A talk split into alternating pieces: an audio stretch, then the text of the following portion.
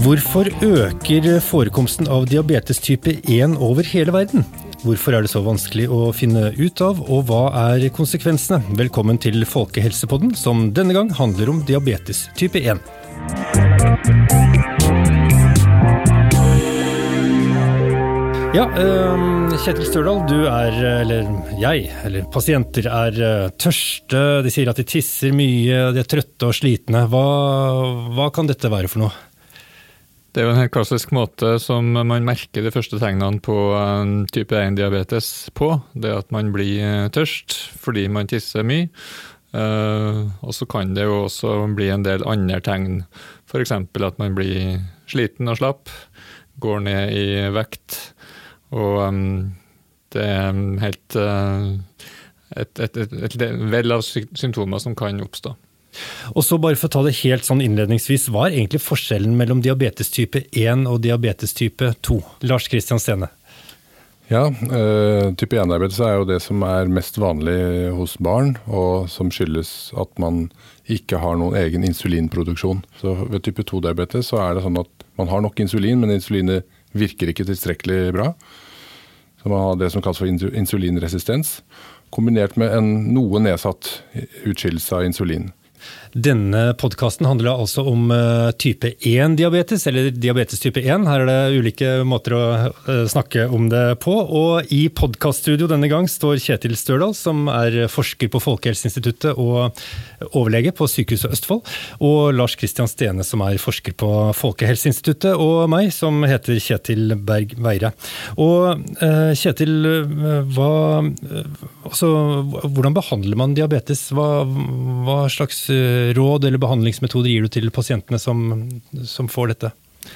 Det som eh, hittil er mm, den behandlinga vi kan tilby, det er å tilføre insulin utafra. Som eh, Lars Kristian sa nettopp, så svikter produksjonen av insulin fra kroppen sjøl. Og da er vi heldigvis i den situasjonen at vi kan tilføre insulin. Og det må gis eh, utenom mage-tarm, dvs. Si at vi må gi det rett inn i kroppen, under huden. Med en sprøyte eller andre ting? Det er vanlig å bruke sprøyter eller penner, er ganske mye brukt, men mer og mer så blir det gitt noe gjennom en pumpe som, eh, som eh, gir insulin mer eller mindre kontinuerlig, og, og, mer hvis man skal ha mat. Hvordan er det å leve med diabetes type 1? Det er en sykdom som påvirker livet i stor grad, fordi du må planlegge ganske mye mer enn eh, det man ikke man må ta mange hensyn som man ikke trenger å ta hvis du ikke har type 1-diabetes. Um, så er det heldigvis sånn at uh, ny teknologi er at en del ting kan gå av seg sjøl. Man kan ha pumper, man kan ha sensorer som gjør at du fanger opp svingninger i blodsukkeret og kan tilpasse tilførselen av insulin på den måten. Men fortsatt så er det en sykdom som er ganske krevende for familien. Og da har vi snakket om uh, symptomer, uh, hvordan det er å leve med behandlingsmåter når, uh, når type 1-diabetes oppstår. Men nå skal vi da trenge litt mer inn, dette, inn i dette mysteriet med diabetes type 1. Fordi dette er jo noe som øker over hele verden. Lars Kristian, hvor stor er økningen? Ja, altså det, det, går litt i rykk og napp, men i det lange løp så er det jevn og trutt økning. Og de aller fleste land hvor det er gjort Eh, systematiske studier, så øker incidensen altså, incidensen, altså hvor mange nye tilfeller det er per år uh, i, i, hvert land, eller standardisert for hvor stor befolkningen er, den øker med mellom 3 og 4% hvert år, faktisk. Det er ganske mye, høres det ut som. Det, høres mye ut, så det er ikke sånn at det øker liksom fra 3 at det er 3 det ene året og 6 det andre året, men det er forekomsten øker 3% hver år. Det betyr at i løpet av kanskje en 30-årsperiode så har man en dobling. Eller 25-30 år cirka, så, så, ser man en dobling. Men hvor mange får det hvis du står sånn 1 av 1000, 2 av 1000? Ja, altså i, i, Norge da, så er det ca. Ja, under 15 års alder så er det ca. 350 hvert år. I dag. Nye tilfeller. Nye tilfeller. Ja. Og uh, Sannsynligheten for å få det før man fyller 15 år er røftlig en halv prosent. Så det er ikke så veldig stor sannsynlighet, egentlig? Nei, de fleste får jo ikke det. Ikke type 1-diabetes. Heldigvis. Og så kommer da spørsmålet hvorfor øker forekomsten av type 1-diabetes? Jeg tenker at Hvis man knekker den gåta, så blir det en nobelpris. Det er det dere jobber med nå, da, med å forske på dette temaet? Det er veldig nært. Ja, jeg vet ikke om vi skal si at det er veldig nært, men det er jo det som er grunnen til at vi forsker på, på dette. Fordi vi, vi, vet veldig lite om det. Så vi er veldig veldig sikre på at den økningen må skje, er reell. fordi Det er det første spørsmålet man må stille. Det er en del tilstander hvor det er endrede diagnostiske kriterier over tid. Uh, ulik grad av alvorlighet og sånt. og Det er ikke tilfellet for type 1-diabetes at det er et problem. Det er data fra standardiserte gode registre over lang tid i mange ulike land, med velorganiserte helsesystem, som, som, viser veldig klart at den økningen er ikke et artefakt. Det er ikke liksom, endring i kriterier eller hvor, flinke man har blitt til å registrere. Så det er en reell økning. Og det betyr at, og den økningen har skjedd da, som sagt, kanskje to til tre ganger økning i løpet av én eller to generasjoner. Og da kan, Selv om genene betyr noe, så er det sånn at det kan ikke forklare den økningen. Så det må være et eller annet i miljøet. Altså noe ikke-genetisk. Ja. sant? Ja. Ja, Men vi, jeg må innrømme at vi, vi, favner litt i blinde om hva dette er for noe. Det er en god del hypoteser uh, der ute, men uh, jo mer systematisk vi går til verks for å prøve å kartlegge liksom, hva viser dataene, er det klar sammenheng, og stemmer, disse, stemmer dataene eller observasjonene med hypotesene, så, så syns vi det er vanskelig å få liksom, puslespillet til å gå opp. Så vi vet lite. Men det er en god del teorier om bl.a. Eh, virusinfeksjoner som mulige årsaker. Eh, det er, selv om type 2-diabetes er en livsstilsfaktor og type 1-diabetes vanligvis ikke ses på som det, så er det en del teorier om også eh, kostholdsrelaterte faktorer og overvekt der òg. Det er mye mm. svakere sammenhenger ja. som ikke måte, passer helt inn med å forklare økningen som, som har vært så sterk. Men det er en del teorier om det også, bl.a. Mm. Miljøgifter, f.eks.? Miljøgifter har vært foreslått. Eh, det, man har lett for å tro at liksom det er noe som man kan si det Historisk sett så har man dokumentert en sterk økning siden ca. 50-tallet. Eh, og man kan si at det har, skjedd, det har skjedd veldig mange endringer i miljøet. Eh, en del miljøgifter har kommet inn i miljøet som ikke var der tidligere. Men hvis man går inn og ser på data, så er det faktisk sånn at det er nesten mindre miljøgifter i dag og de siste ti årene enn det det var for kanskje 30 år siden. Selvfølgelig er det noen miljøgifter som har kommet som ikke var der før, men, men veldig mye, bl.a. livsforurensning, er jo mindre av i dag enn det var før. Så så det stemmer og, ikke helt? Det, det stemmer ikke helt. Og de få studiene som er gjort, det er ikke gjort noen veldig gode studier av miljøgifter som mulig risikofaktor for type 1-diabetes. Eh, men de få som er gjort, de støtter ikke opp om at det skal ha noen sammenheng. Altså. Mm. Kjetil, hvorfor, hvorfor er det så vanskelig å finne ut av dette? Jeg tenker at eh, En viktig grunn er at eh, det er et eh, samspill mellom gener, altså arvelig risiko, og miljøet. Og Det gjør at vi kan ikke peke på enkeltårsaker. Fordi at Har du ikke genene som gjør at du kan utvikle type 1-diabetes, så vil du heller ikke få det. Og Derfor er vi nødt til å se på flere faktorer samtidig. Så det blir et ganske komplisert puslespill. Og så er det også sånn at Miljøfaktorer som vi tenker kan være viktige, kanskje er det viktig at de virker sammen. Så én miljøfaktor ikke er nok, men at det er flere i samspill. Mm. Men hva, hva, er, eh, hva, er, deres, hva slags spor i, for å finne ut av dette mysteriet er det dere som forskere jobber etter eh, nå? Hvor, eh, hvor går sporene hen? Jeg kan begynne. og det, det, er et spor som vi har fulgt i lang tid, og som andre før oss begynte for mange mange år siden. Virusteorien, for å kalle det det. Mm. At du får diabetes type 1 på grunn av en virusinfeksjon? På grunn av en virusinfeksjon, En eller annen gang i livet? Ja. Og Forskning på det naturlige forløpet ved type 1-diabetes tyder på at sykdomsprosessen starter veldig tidlig. Den starter ikke før du er født, men den starter veldig tidlig i, i barnealder. sånn at Høyst sannsynlig så er det noe som skjer veldig tidlig der. Men da er det noe som, har, som det har vært en utvikling i de siste 50 årene? da, Siden økningen har vært eh, ja, de siste ti årene? Akkurat der så, så, sliter vi med å få måte til å gå opp. For det, det, er ingen klare indikasjoner på at uh, virus Vi vet jo ikke akkurat hva slags virusinfeksjoner det er snakk om, men det er en en, en hypotese som har vært i mange år, er at en gruppe entrovirus, eh, eller no, en eller flere subtyper av en gruppe som heter entrovirus, hvor der finnes det over 100 ulike serotyper, eller subgrupper. Eh, det har vært en teori om det, men det er ikke noe klare holdpunkter for at det har økt i forekomst.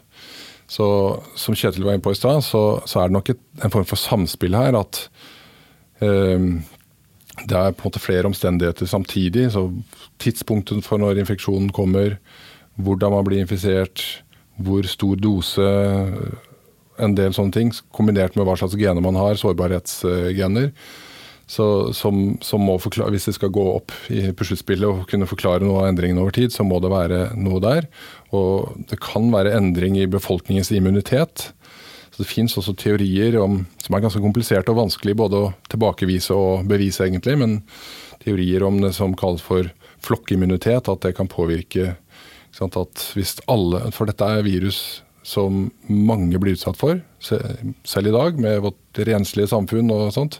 Man har ikke vaksine mot dette, men, men, de aller fleste barn får en infeksjon, og de fleste infeksjonene er uten symptomer. Man merker det ikke.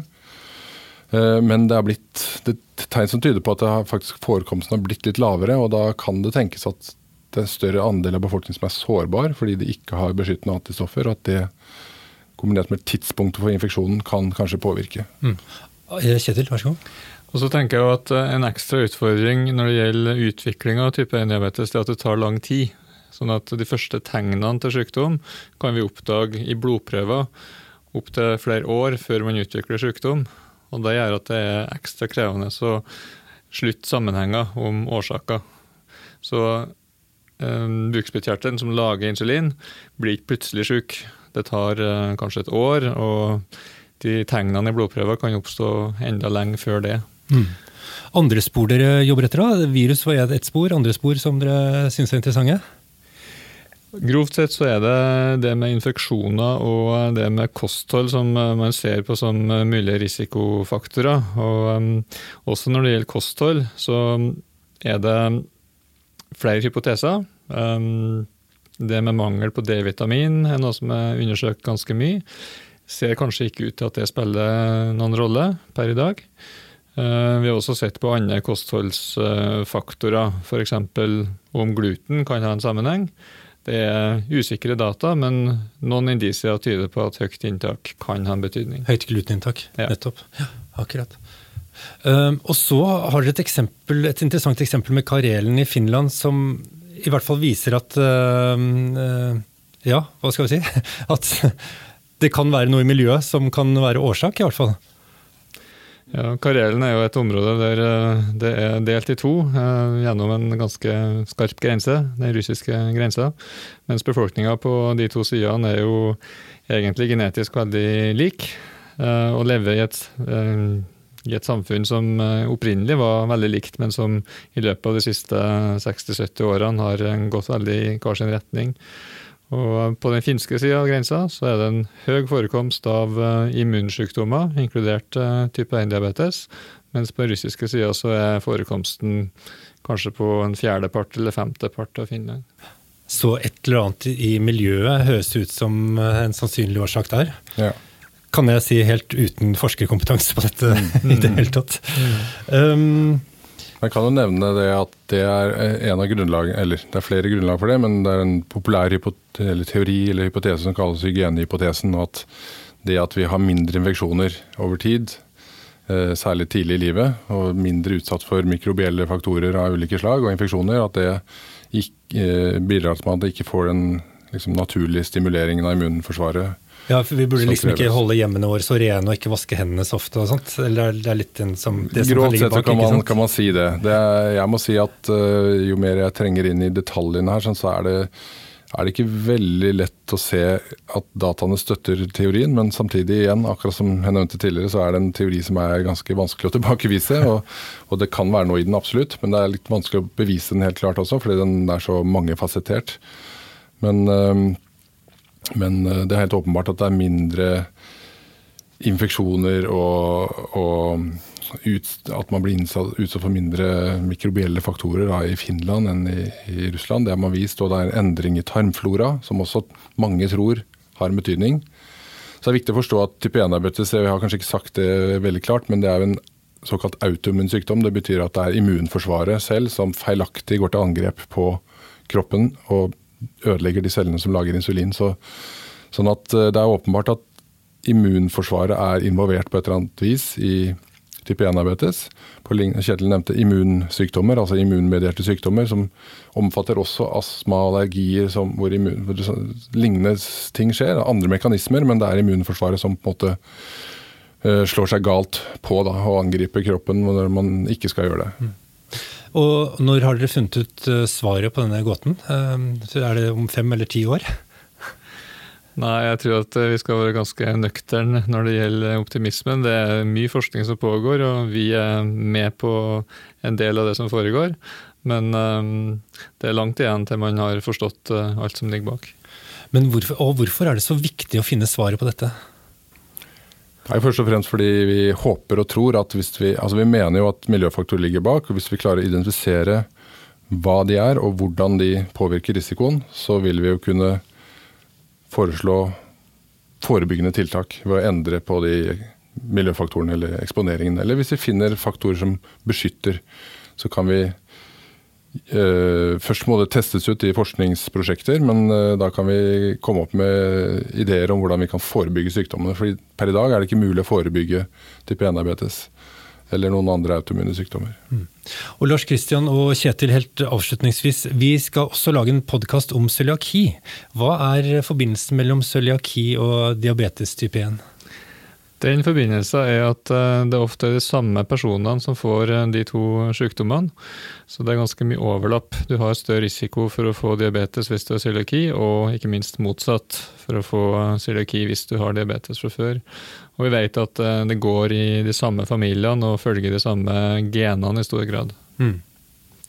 Tusen takk for at dere var med i denne podkasten om type 1-diabetes, eller diabetes type 1. Lars Kristian Stene, som er forsker ved Folkehelseinstituttet. Kjetil Størdal, som er forsker ved Folkehelseinstituttet og lege, overlege ved Sykehuset Østfold. Og jeg heter Kjetil Berg Veire.